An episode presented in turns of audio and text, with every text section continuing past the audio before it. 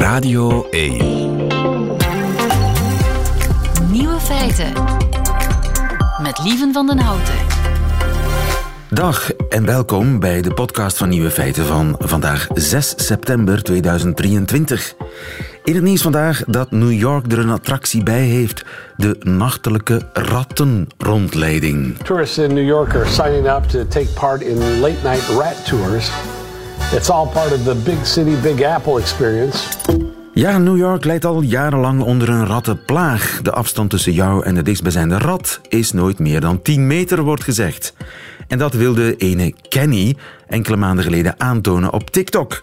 Hij zond een livestream uit van ratten die heen en weer liepen over de straat. Meer dan 10.000 mensen keken live en nog veel meer mensen keken achteraf naar de video. Kenny besefte dat hij een gat in de markt had gevonden en bood zichzelf aan als gids voor nachtelijke rattentochten. Met succes, in geen tijd zat zijn agenda boordevol. En hij leidt nu toeristen onder andere rond bij het Rockefeller Center en bij het Empire State Building op Manhattan. Ratten, zo zegt hij, zijn de mascotte van New York geworden.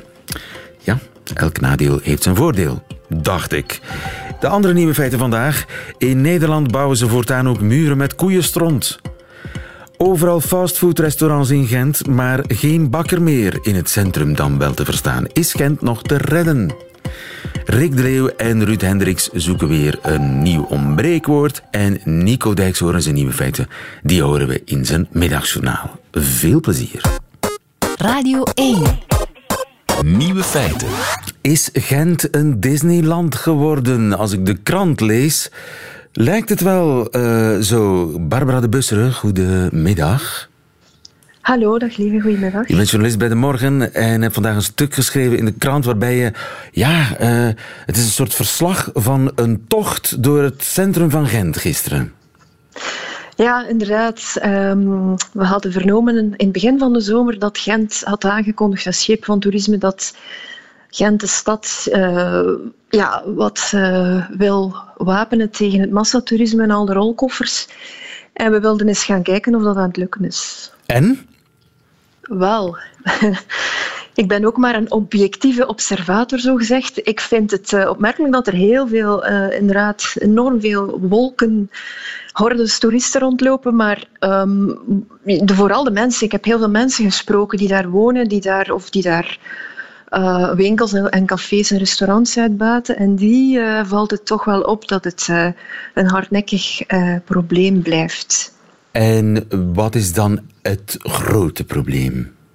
Ja, dat vond ik opmerkelijk. Dat de meeste mensen zeiden mij niet dat ze, zoals bijvoorbeeld in Amsterdam, echt overstelpt worden door, uh, door, door massa's die letterlijk fysiek uh, u ja, uh, opvallen. Maar dat het er vooral toe doet dat ze zien dat de stad, het hypercentrum, de echte binnenstad, de koorlijn, graslijn, koormarkt, dat, daar, dat die eigenlijk um, veranderd is de laatste jaren. Ik woon zelf niet in Gent, ik heb het niet exact gevolgd, maar het viel inderdaad op dat op een paar vierkante meter um, er enorm veel uh, fastfood uh, is, fastfoodrestaurants en ketens uh, Starbucks, McDonald's, uh, alle bekende namen. Op een paar ja, vierkante meter, souvenirwinkels, pralinen. Heel veel van de, van de stad, uh, van dat hypercentrum, bestaat daaruit. En dat hoorde ik het meest bij allerlei mensen, Gentenaars. Die zeiden, ja, als je die stad zo laat veranderen... Trek, blijf je natuurlijk het, het goedkope dagtoerisme, waar het meeste ergernis over bestaat blijkbaar, aantrekken en wat kan je daar dan nog tegen beginnen? Heeft het dan, is het dan niet al te laat? Dat heb ik echt verschillende keren gehoord. Ja, en alle winkeltjes, de traditionele winkeltjes zijn, zijn weg. De slager is weg, de supermarkt Ja. is weg. Ja. De, de- Ja. ja, weet ik veel. Allemaal, allemaal Er zei iemand, ja, er zei iemand ik, ik woon hier en ik heb 15, enfin, dat zal wel een overdrijving geweest zijn, maar ik heb 15 hamburgerketens in mijn buurt, maar geen bakker meer. Dat was eigenlijk een beetje de, de clue van wat veel mensen zeiden. Is het te laat? Kun je daar nog iets aan doen? Misschien dat Jan van der Borg het weet. Goedemiddag, Jan. Hi, goedemiddag. Je bent- Ja, ik denk dat het... Ja. Oh, Ik leg even uit dat jij hoogleraar toerisme bent aan de universiteiten van Leuven en Venetië. Jij woont in Venetië. Ja, daar, Yes. weet, daar weten ze alles van massatoerisme natuurlijk. En van Disneyficatie. Ja. Ja, dat klopt. Eh, ik denk dat het verhaal wat ik net eh, hoorde echt overeenkomst met hoe inderdaad ook Venetië al twintig jaar zeg maar eh, bezig is met het eigenlijk niet erkennen van het overtoeristische probleem. En dat is het dan inderdaad met name gerelateerd aan het feit dat Venetië niet meer voor de Venetianen is. Er wonen er steeds minder, maar alleen nog maar voor de bezoekers. En dat eh, zorgt ervoor dat de ziel uit de stad vertrokken is. En ik denk dat dat ook voor een aantal Vlaamse plekken een probleem zou kunnen worden. Ja, her en der wordt daartegen ingegaan met eh, ja, hier en daar een kleine maatregel, een parkeerverbod voor bussen of het aantal cruiseschepen inperken. Eh, is, is dat genoeg? Kun- Kun je met dat soort maatregelen het tij keren? Nee, ik denk het niet. Ik denk dat eh, je echt wel met eh, rigoureuze en, en baanbrekende nieuw beleid moet, eh, moet komen. Ik denk niet dat je inderdaad met die paracetamolletjes, zeg maar, deze, je kan de pijn misschien wel wegnemen een aantal momenten, maar je kan niet tot een, zeg maar een kentering in die ontwikkeling komen. Ik denk dat je dan moet, eerder moet aan een hele nieuwe strategie waar de inwoner en de lokale zeg maar, ondernemer centraal komt te staan. Waar kwaliteit altijd boven kwantiteit gaat. En waar je ook op een gegeven moment moet gaan zoeken naar middelen om die bezoekersstromen te gaan eh, leiden. Ik vind het een interessant verhaal, een interessante case Gent. Want Gent eh, blijkt zeg maar, te zeggen, de Gentenaar, van nou, het is niet zozeer een kwestie van crowding van veel te veel mensen op bepaalde plekken. Maar het is vooral en met name een kwestie van sociaal-economische ontwikkelingen die niet wenselijk zijn. Nou, dat kan je alleen maar oplossen door visitor management en zelfs eventueel misschien zelfs met een reserveringssysteem. Eh, opdat je inderdaad eh, mensen niet laat improviseren met het komen naar je plek, naar Gent in dit geval. Maar waar je inderdaad zeg maar, ervoor zorgt dat mensen zeg maar, op een geleidelijke, eh, evenwichtige manier de, de, de, stad gaan bezoeken. Eh, dat klinkt allemaal heel mooi, maar ook een beetje vaag. Eh, ga je dan toegangstickets verkopen voor de stad? Nee, het hoeft geen ticket te zijn. Integendeel, ik denk dat je mensen zou, moeten verleiden om inderdaad, zeg maar, die eh, je bezoekt. eh, denk aan, aan de Vermeer tentoonstelling in Amsterdam. Denk aan eh, een hotel. Dat je van inderdaad gewoon, zeg maar, zegt van nou, een stad heeft maar een bepaalde, zeg maar, capaciteit om mensen, zeg maar, op een fatsoenlijke manier te ontvangen. Als de aantallen boven die capaciteit gaan, dan krijg je hoe je het went of keert, krijg je problemen, krijg je ellende.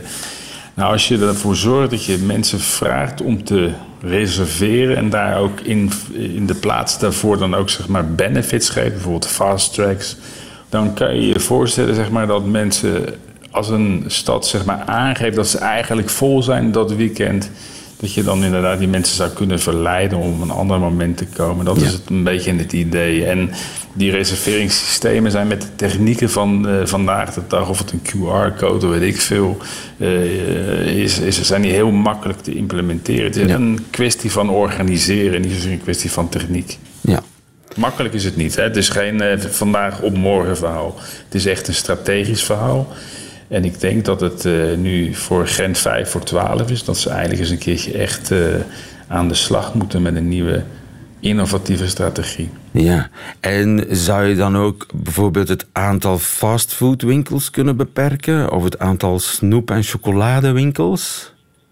Uh, ik denk niet dat je zeg maar zo ver moet gaan. Ik denk dat je ervoor moet zorgen dat die vraag naar je plek dat die anders wordt dan voorheen. Dus minder bezoekers die fastfood en die snoepwinkels en die weet ik wat voor zeg maar prularia. Zeg Je moet er eigenlijk voor zorgen dat die mensen die geen zin meer hebben in chocolade. Precies, je moet, nou, nee, je moet gaan ervoor zorgen dat mensen niet meer voor dat soort dingen naar je bestemming komen. En, uh, en dat is niet makkelijk, maar dat heeft te maken met je anders positioneren. Amsterdam heeft zich 40, 50 jaar lang gepositioneerd. Als je kan hier doen uh, wat, je, wat je wil, we vinden alles leuk.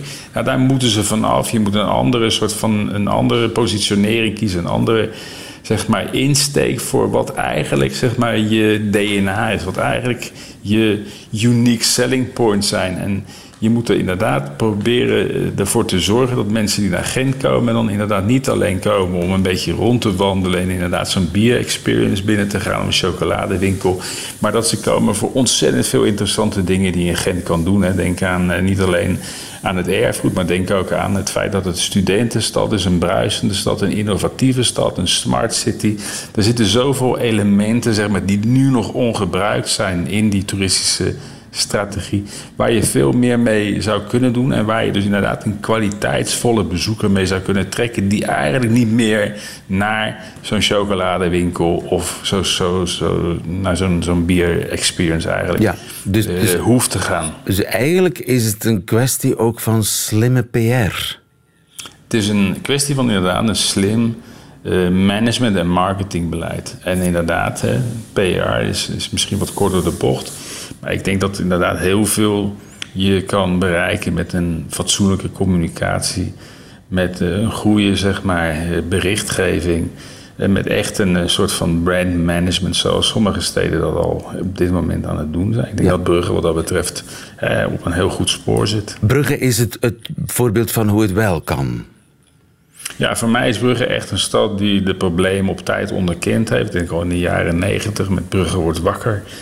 Eh, en die inderdaad al een aantal jaren bezig zijn met een strategie te ontwikkelen.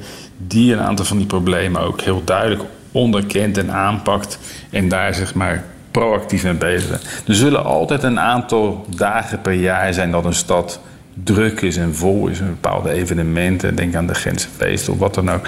Maar het gaat er in principe om dat de eh, meeste dagen van het jaar niet vol zijn voor een stad, opdat de lokale economie zich niet heroriënteert naar wat eerder genoemd werd, die, inderdaad die, die, die chocoladewinkels en wat, en wat die meer zijn.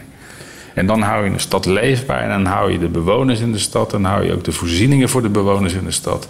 En dan hou je een stad ook zeg maar eh, leefbaar en dan conserveer je die ziel die een stad heeft en die wordt toch altijd vertegenwoordigd door de lokale ondernemers en door de inwoners en niet door zeg maar eh hapsnap eh, toeristische ondernemers die een, een chocoladewinkeltje openen heel snel.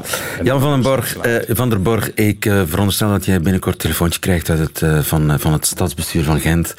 En ook eh, Barbara de Busseren, dankjewel uh, voor dit gesprek. Goedemiddag. verder. Hartstikke bedankt. Goedemiddag. Dag. Het ontbreekwoord. Rick de Leeuw gaat op zoek naar woorden die in onze taal helaas nog niet bestaan. Een nieuw seizoen, nieuwe feiten en dus ook een nieuw seizoen voor het ontbreekwoord. Goedemiddag, Rick de Leeuw. Goedemiddag. Jij blijft zoeken, er zijn nog altijd geen woorden genoeg. Absoluut, er kan altijd meer bij, meneer. Ruud Hendricks, hoofdredacteur van Vandalen, ook een goedemiddag. Goedemiddag, heren. Uh, Ruud, jij blijft woorden kiezen uit uh, ja, de gigantische hoeveelheid die wordt aangedragen door uh, de luisteraar van uh, Radio 1. En het moet gezegd, wat we de voorbije weken, van niet de voorbije weken letterlijk, maar voor de vakantie allemaal gevonden hebben. Het is prachtig, hè? de lijst oogt indrukwekkend. Ik pik er maar eentje uit. Eén ontbreekwoord dat gevonden is door ons. Vergroeting. Een vergroeting. Ja, ik had een vergroeting. Ja. Ik zwaaide naar een bekende, maar die bleek een wildvreemde te zijn. Een vergroeting. Prachtig, toch? Mooi, hè? Heb jij nog een favoriet, Ruud? Ja, ik vind het hamerglas nog altijd fantastisch. Het hamerglas? Dus dat, dat, ja, het hamerglas. Dat ene glas te veel waarvan je weet, als ik dit drink, dan ben ik echt helemaal bezopen. Uh, en toch doe je het. Ja, wat was jouw hamerglas? Ja, da, ja die Cointreau. Ja, dat was, nee, dan was, dat was ja, het te veel. Was... En uh, Rick, heb jij nog een uh, eentje die eruit springt wat jou betreft? Uh, ja, de, de Fuck Elise blijft mij uh, toch wel een van mijn favorieten. Fuck Elise. Oh jee, ik bel naar die dienst en ik kreeg een Fuck Elise. Juist, dat. Dat uh, eeuwige melodietje dat maar op repeat blijft staan... terwijl je eigenlijk met al je klachten uiteindelijk iemand aan oh, de oh, lijn wil krijgen. Ja, ja maar het, het, was toch het moment dat het muziekje lijkt op te houden... en toch weer doorgaat. Juist. Dat is het Fuck Elise moment. Juist. Ja, ja, nu komt dat het allemaal moment, terug. De Fuck Elise. Zij, en eh, we hebben natuurlijk geen opdracht die, waar we nu kunnen uitkiezen, want er zijn twee maanden vakantie voorbij gegaan. Maar eh, herinner ons nog eens eraan, wat, wat is een goed ontbreekwoord? Ruud? Ja, een goed ontbreekwoord, dat is een woord waarvan je denkt, tja, dat had al lang moeten bestaan. En dat klinkt heel gewoon. Dus heel gezochte woorden, die, die hebben weinig kans om echt in te burgeren. Dus dat kun je beter niet doen voor als je een goed ontbreekwoord zoekt. Dus je moet echt het gevoel hebben van, ja, dit is het. Ja. klinkt zo vanzelfsprekend. Dus geen gezochte combinaties, want... eh, ik moet beoordelen of zo'n woord kans maakt om echt ingeburgerd te raken. En we weten dat echt opvallende woorden dat meestal niet doen. Of Dus zeer grappige woorden. Het moet eigenlijk Ja, heel. ja. Het moet eruit zien alsof het. al- klinken alsof het al eeuwen bestaat. Eh, Ja, eigenlijk een soort grijze muis moet het zijn, eh, eh, maar door, daardoor juist wel heel erg bruikbaar. Ja, en duidelijk, hè? Coupé-kaper. Iemand die denkt dat hij onhoorbaar is op de trein. Hij kaapt de coupé. Dus hij is een coupé-kaper of zij is een coupé-kaper. Ja. En dat wat je nu noemt, is ook een, eh, iets wat altijd heel goed werkt. Het woord werkt goed. Hè, omdat je dus, de medeklinkers zijn hetzelfde. Ja, Hè, dus KP, KP, hè, de Coupé-kaper. coupé-kaper. Prachtig, ja. eh, dat soort van... Digidolen, eh, ook zoiets, hè? Ook zo'n allitererend woord. Ja, die, ja, of, of eh, huicheljuichen hebben we Ja, ook ja, gehad. ja. Dus, eh, dus dat is eh, doen alsof je een cadeau echt leuk vindt. Zeg maar, er zou een boek moeten komen met al die ontbreekwoorden, toch? Ta-ta-ta-ta. Ta-da-da-da. En jawel. Nee! Nee! Jawel, jawel, jawel. jawel. Echt? Het grote ontbreekwoordenboek staat Wauw! Ja, ja, ja. Dus Wanneer? een kleine maand wachten en dan is het er. Eindelijk. Eindelijk. Het grote ontbreekwoordenboek met alle tot nu toe door Radio 1 verzamelde luisteraar in samenwerking met jullie beiden eh, verzamelde ontbreekwoorden. Wanneer komt Ja. dat er? Eh, het wordt gepresenteerd op donderdag 5 oktober bij de buren in Brussel. En tegen die tijd, dus begin oktober, gaat het ook in alle betere boekhandels eh, liggen. Te wachten op eh, de luisteraar en de lezer. Wauw, het ideale cadeau eh, voor Ja, alle mogelijke iets gelegenheden. wat je moet hebben. Iets- oh ja, kan in geen enkel huisgezin ontbreken. Maar Nee. eh, dat betekent niet En dat vooral het... niet denken, een nog eventjes. Zo'n ding dat je daarna toch weggooit. Nee, nee, nee, nee. Het is een ding om te bewaren. Juist. Maar het betekent niet dat de zoektocht daarmee is afgerond.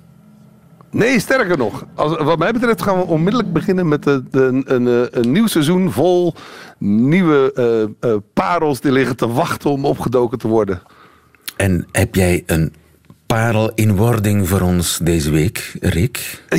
Ja, en het is een, een, een praktijkparel. Vorige maand kwam ik terug van mijn vakantie in Zuid- eh, Zuid-Frankrijk. en ik had een paar potten riet mee naar huis genomen. Riet is een soort eh paté, maar dan wat, wat ruwer en, en wat vetter vooral ook. In Frankrijk at ik dat zo ongeveer elke dag op een toastje voor het eten. Doet het erg goed Lekker, bij een lekker. glas rode wijn, kan ik zeggen. Je kent het. Mhm, absoluut. Dus ik had een paar van die potten meegenomen. Ik maak thuis zo'n heerlijke pot riet open. De zon schijnt, het glas wijn staat al op tafel. Ik smeer de riet op een toastje en het smaakt me niet. Ik proef totaal niet meer wat, er, wat ik er in Frankrijk zo ontzettend lekker aan had gevonden. ja, ja, en het gekke ja, is, je herkent het, datzelfde overkwam me vorig jaar eigenlijk ook al met die flessen pastis die ik meegenomen had. Je drinkt het thuis en het is weg, de sfeer is weg, het smaakt anders. En ook die heerlijke potten zelfgemaakte confituur van die leuke camping van het jaar daarvoor. Ze staan er nog altijd onaangeroerd. Kortom, wat op vakantie zo heerlijk smaakt, is thuis al snel zijn charme kwijt. Onze kelders en voorraadkasten staan er vol mee. Ja, heb jij Maar- ooit meegemaakt, Ruud? Jazeker. Ik denk nu meteen terug aan een bezoek aan de Champagne-streek, waar ze met veel genoegen een paté maken van escargots. En als je dan thuis die pot ziet, juist, als je dan thuis die pot ziet, dan denk je, jakkes. En ik denk dat we hem nooit meer hebben opengemaakt, die pot. Terwijl het ginder echt wel smaakte, hoor, met een glas champagne erbij en dus een tootje met dan, eh, ja. gemalen slakken eigenlijk. Hè? Ja. Maar het smaakt... Als ik het zo zeg, klinkt het echt niet lekker, maar het was daar wel lekker. Ja, het smaakt alleen in de champagnestreek zelf. Het, eh, en dat kun je uitbreiden naar ja, die, die heerlijke witte wijn die zo lekker was op het terras ergens in de, op Capri. Blijk- Blijkt uit, ja, zonder Capri is die wijn niks. Precies. En je neemt toch een doos mee naar huis. Ja. Elk jaar weer. Dus we zoeken een woord voor dat fenomeen. Dus- Juist. eh, Voor, voor, voor het object zelf. Ik zit thuis met een doos va- Juist. vakantiebrol. Maar dan, We zijn vertrokken. ja, vakantiebrol of, of oh ja, een vakantielief. Maar dan, het is eigenlijk een soort vakantielief, hè? Van zodra de vakantie over is, is de liefde ook over. Eh, ja, maar leg dat haar eens uit. Ja. Of hem. Maar goed, dat is, een, dat is iets met mensen. Nu zoeken we iets met dingen. Jouw ideeën zijn welkom op eh, radio1.be en via de Radio 1 app. En daar zie je tegenwoordig ook nog een grote knop om je ontbreekwoord te sturen. Ik ben heel benieuwd eh, welke suggesties er allemaal aankomen. En volgende week woensdag hakken we dan de knoop door. Heren, tot volgende week. Heel fijn. Volgende dank. week.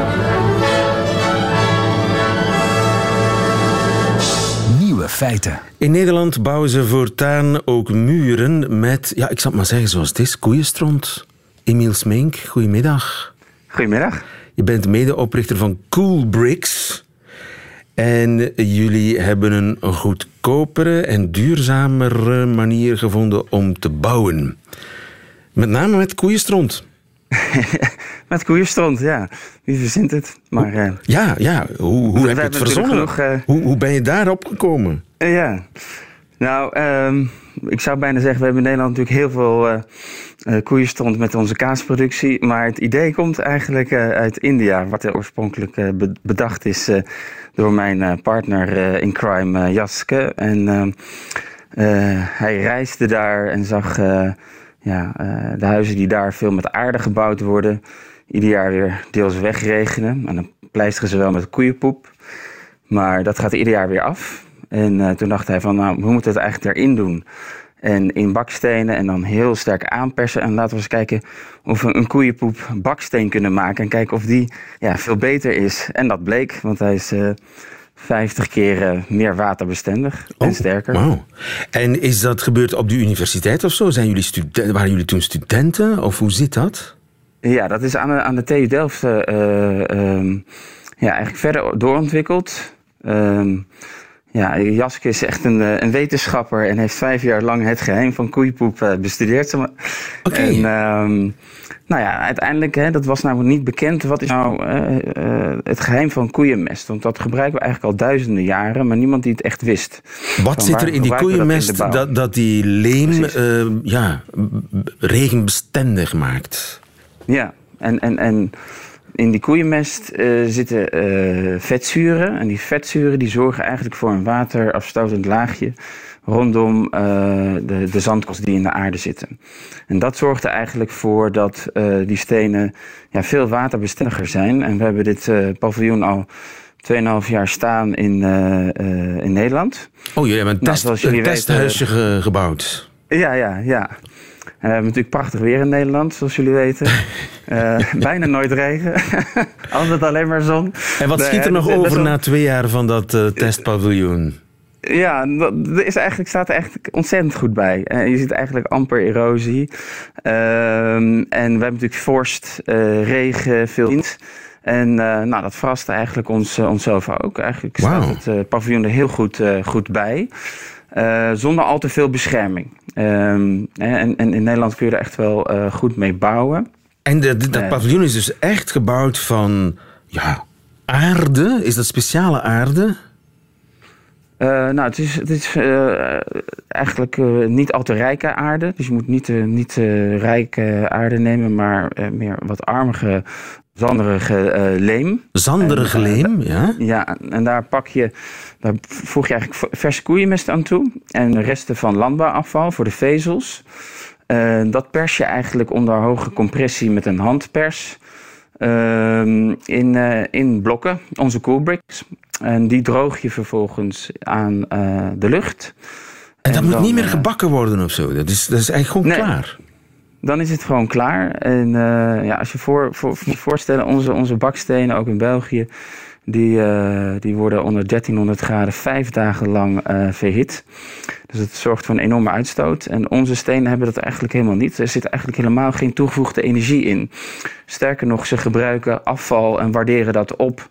Zodat natuur, milieu profiteert, maar ook bijvoorbeeld lokale boeren. Want We richten ons vooral op Afrika nu. En, eh, en daar Oh ja, in Afrika zou, weer, zou dat zeer welkom zijn, jullie eh, bouwstenen. Vraag is natuurlijk, hoe lang gaan ze mee? Een baksteen gaat eeuwen mee, hè? Toch? Een baksteen gaat eeuwen mee, maar nou, als we bedenken dat eh, de Chinese muur ook voor delen eh, uit aardebouw bestaat, nou, die staat in principe ook al een tijdje. En ons paviljoen staat iets van eh 2,5 jaar en het ziet eigenlijk nog eh super goed uit. Verwachten we dat we in ieder geval wel een, een levensduur van 50 jaar halen. En dat is eigenlijk al wereldwijd, ook in Jemen, in, in Afrika zijn er heel veel voorbeelden van eigenlijk goede, goede aardebouw, zelfs wel tot 6, 7 hoog.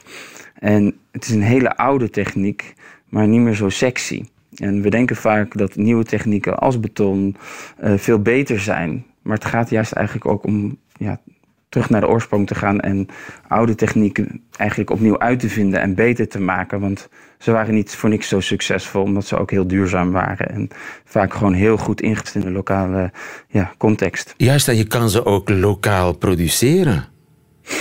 In principe kan je ons, eh, hebben we het zo ontworpen, het hele proces, dat je het in het meest afgelegen dorpje eh, in Afrika zou kunnen, kunnen maken. Ja. Dus eigenlijk met hele simpele materialen die in de omgeving te vinden zijn, niet verder dan 10, 20 kilometer. Zonder elektriciteit, eh, zonder moeilijke dingen die je van ver moet halen. Dus Oh ja, en, en, heel leveren jullie dan een soort bouwpakketje, zo de, de pers en, en de handleiding, zo van zo moet je het doen? En, en, en gedroogde koeien stond, weet ik veel. Ja, eh, nou, eh, daar zijn we wel mee eh, bezig. Maar je merkt wel dat je eerst eigenlijk eh, een, inderdaad een machine eh, wil leveren. Ehm, het, het recept uiteindelijk ook eh, hè, willen we wel open source maken. Zodat mensen daarop door kunnen innoveren. En, ehm, nou ja, en, en we moeten ook heel veel bouwers eigenlijk weer in deze technieken eh, trainen. En dat doen we nou. We hebben de eerste vrouwelijke metselaars aangenomen. Eigenlijk een soort het eerste vrouwelijke bouwteam van Oeganda eh, ja, neer te zetten. Oké, dus jullie gaan bouwen in Oeganda. Ja, daar, daar, daar eh, zijn we de eerste, eh, met de eerste projecten bezig. En eh, ja, voor Oeganda is het extreem belangrijk, want eh, ze graven daar hele moerassen af, maken daar, scheppen de klei eruit, maken daar steentjes van, kappen het bos, steken de steentjes in de, ja, gaan ze eh, in de fik steken om te bakken. Voor drie, vier dagen lang dus een enorme uitstoot. Dan kunnen ze 20% vervolgens van de steentjes weggooien, omdat ze niet hoog genoeg gebakken zijn. En dan zijn eigenlijk de steentjes ook niet zo heel sterk. Dus je ziet ook heel vaak dat huizen instorten. Ja. En eh, onze steen is eigenlijk, eh, het belangrijkste is dat onze steen eh, eh, eigenlijk ook nog 50% goedkoper is, omdat je geen cement nodig hebt. Juist, ja. En cement is heel duur. Maar eh, dat soort cool bricks, hebben die ook een toekomst in West-Europa, denk je? In Vlaanderen, Nederland? Zeker, zeker. Ehm, want we hebben 2000 jaar eh, lang gebouwd met leem. En het kan heel goed hier in, eh, in Vlaanderen, in België, in Nederland. Dat hebben we al aangetoond. Je kunt tot twee à drie hoog bouwen qua constructie. Ehm, ook voor je binnenmuren, voor je buitenmuren. Ehm, ja, moet, het, moet je het wel iets beter beschermen. Door te pleisteren of met je dak eh, iets eh, een oversteek te maken. Maar het kan zeker en die potentie is er zeker. En Oké, ik eh, we wachten in spanning af hoe goed de ja, koeienstrontstenen het zullen doen. De cool bricks van eh, Emiel Smeenk. Maak je heel veel succes wensen. Dankjewel en nog een fijne dag. fijne dag, dank. En dat waren ze weer, de nieuwe feiten van 6 september 2023. Alleen nog die van Nico Dijkshoorn, die krijgt u nu in zijn middagjournaal. Nieuwe feiten. Middagjournaal.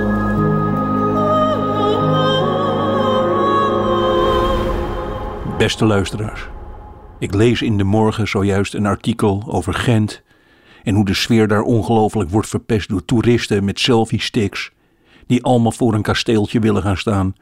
En als hun ogen dichtknijpen, dan lijkt het best wel een beetje op Zwijnstein uit Harry Potter. Wat ik trouwens een kwalijker boek vind dan de Bijbel of de Duivelsversen, omdat jonge beginnende lezers alleen nog maar boeken over sprekende uilen willen lezen. Maar daar hebben we het een andere keer nog wel eens over. Het massatoerisme. Steden die worden overspoeld met mensen die allemaal dezelfde broek dragen en die allemaal naar dezelfde plek gaan. Dat kan de ene dag een bakkertje zijn, waar chocoladecroissants worden verkocht die een influencer op TikTok aan zijn overleden oma doen denken.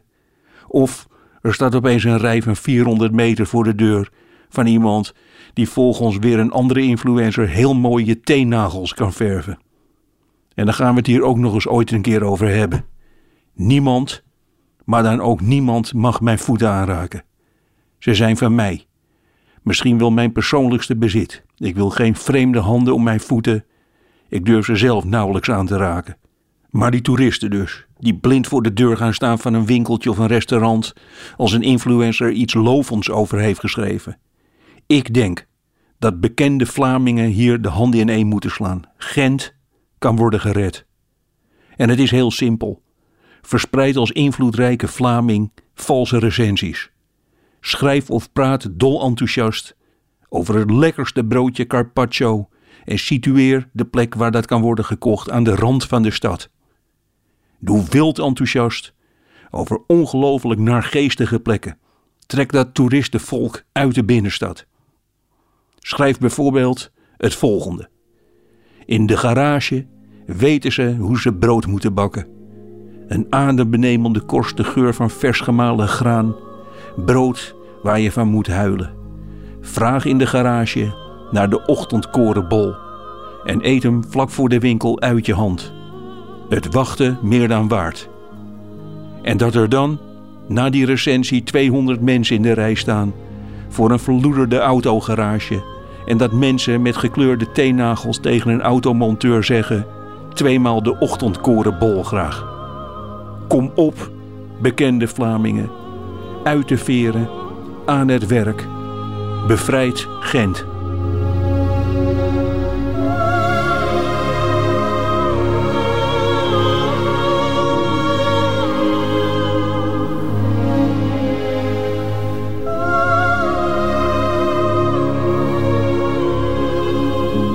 Middagjournaal met en van Nico Dijkshoorn. Einde van deze podcast. Wordt u liever de volledige uitzending van Nieuwe Feiten?